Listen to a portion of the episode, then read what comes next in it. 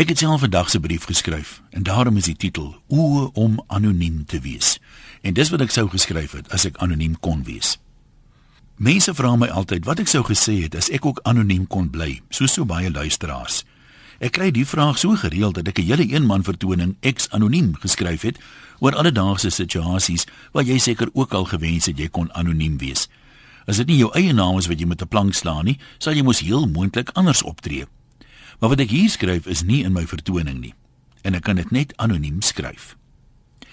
Eerstens verstaan ek nie lekker hoekom luisteraars dink hulle kan vir jou sê net wat hulle wil nie, maar die omroeper mag net hoflik daarop reageer. Tog is daar 'n paar omroepers wat die vryheid het of gehad het om ewe spontaan te reageer. En hulle was van ons land se heel gewildste omroepers. Dalk nie toevallig nie. Luisteraars geniet dit altyd vreeslik omdat hulle reaksie nie so vervelig is soos die stereotipe hoflike oordentlike reaksie wat 'n mens mos moet gee nie. Mense is honger vir iets nuuts.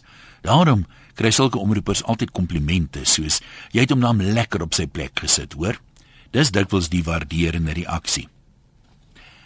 Dit is ongelukkig so dat leë blikke die meeste lawaai maak. En 80% van die verneinige groepie wat elke dag vir jou hulle verneinige opmerkingies stuur, het die kat nie aan die stert beet nie, maar onder die stert en hulle klou vir dood.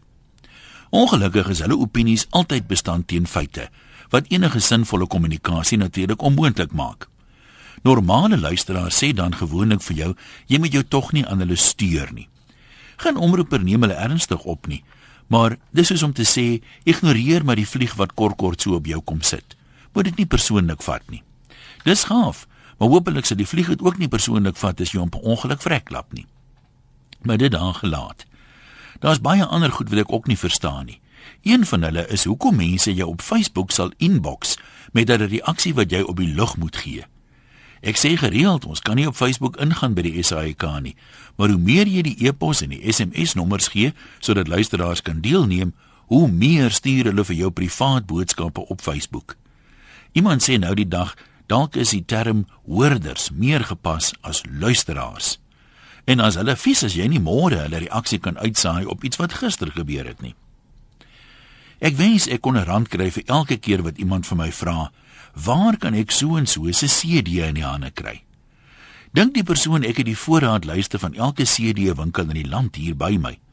Dit sou in elk geval ook nie gehelp het nie, want die persoon wat die vraag vra, sê nooit waar hy is nie, so ek sal nie weet waar jy hom om te stuur nie. As jy nou vir 'n oomblik kan stil word en logies daaroor kan nadink. Verbeel jy jy's op jou eie en jy het niemand om te vra nie. Waar sou jy na 'n CD begin soek het? Kom ek maak dit makliker. Waar anders as by 'n winkel wat CD's verkoop, kan jy moontlik begin navraag doen. As ek wel anoniem kon bly, sou 'n aanval van moedswilligheid maklik die oorhand oor my kon kry. Dan sou ek dalk ewe liefies geantwoord het: "Gits jong, hoekom probeer jy nie 'n toonaangewende apteek nie?"